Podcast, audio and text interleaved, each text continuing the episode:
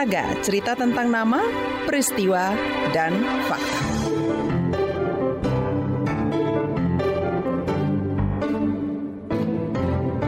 Air adalah sumber kehidupan. Apa jadinya kalau air sungai kotor dan keruh setelah kehadiran perusahaan tambang batu bara?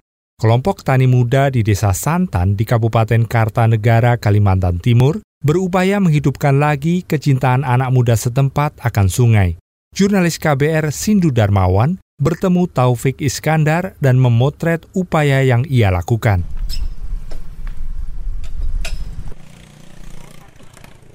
Taufik Iskandar menyalakan motor bebeknya.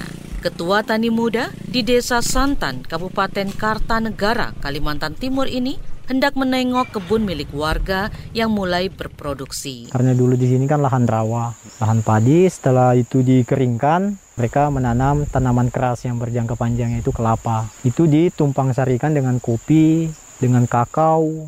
Ini lembaran baru warga desa Santan untuk kembali bisa hidup dari bercocok tanam seperti ingin mengembalikan masa jaya desa ini di tahun 1980-an sebagai pemasok kelapa sekalimantan. Harapan itu salah satunya disampaikan Nur Effendi, petani setempat. Kalau kita bisa itu kembalikanlah segala-galanya isi alam yang bagus lagi. Bagaimana caranya kan? Tatanan lingkungan di Desa Santan berubah sejak 1997 seiring masuknya perusahaan tambang PT Indominco Mandiri.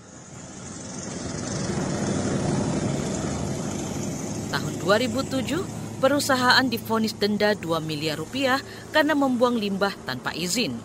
Jaringan advokasi tambang Jatam mendesak supaya izin perusahaan dicabut, tak digubris.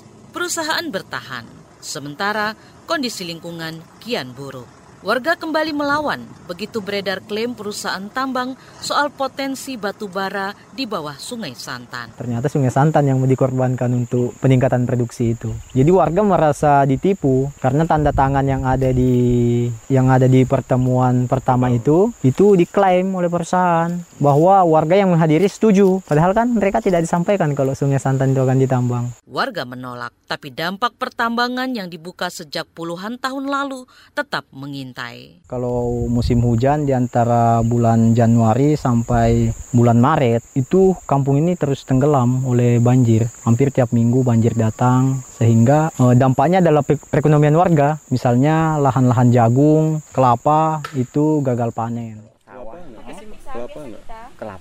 Taufik bereaksi, menggerakkan anak muda setempat untuk jadi petani dengan beragam pelatihan. Konsep-konsep pemberdayaannya misalnya melibatkan kelompok ibu-ibu untuk melakukan olahan-olahan hasil pertanian yang ada di kampung seperti membuat talas, membuat apa keripik talas, dodol talas, terus membuat sirup buah nipa, sabun dan minyak kelapa. Jadi semua olahan teman-teman yang ada di sini itu berasal komoditas ininya berasal dari kampung. Tujuannya membangun kemandirian desa supaya tak mudah tergiur iming-iming perusahaan tambang. Selama ini kami berusaha membangun ekonomi tanding ya, ingin menanding perusahaan bahwa kita bisa kok bertahan di kampung dengan bertani. Kita masih bisa hidup, kita bisa sejahtera dengan itu semua juga menjaga Sungai Santan, kata Romian Syah, anggota Tani Muda Santan. Dulu sebelum ada akses jalan, Sungai Santan memiliki apa peranan yang sangat vital bagi kehidupan masyarakat. Dulu menjadi transportasi untuk menjual hasil-hasil eh, perkebunan ke Samarinda, ke Bontang, dan lain sebagainya. Akhir tahun ini, Taufik dan teman-teman Tani Muda kembali menggelar Festival Sungai Santan. Ini kali kedua.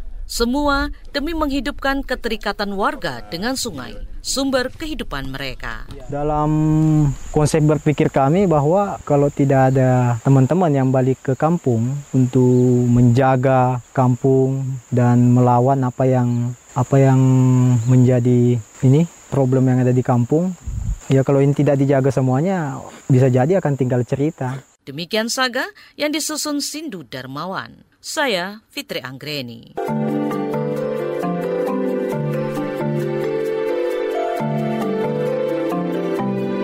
Saga cerita tentang nama, peristiwa, dan fakta.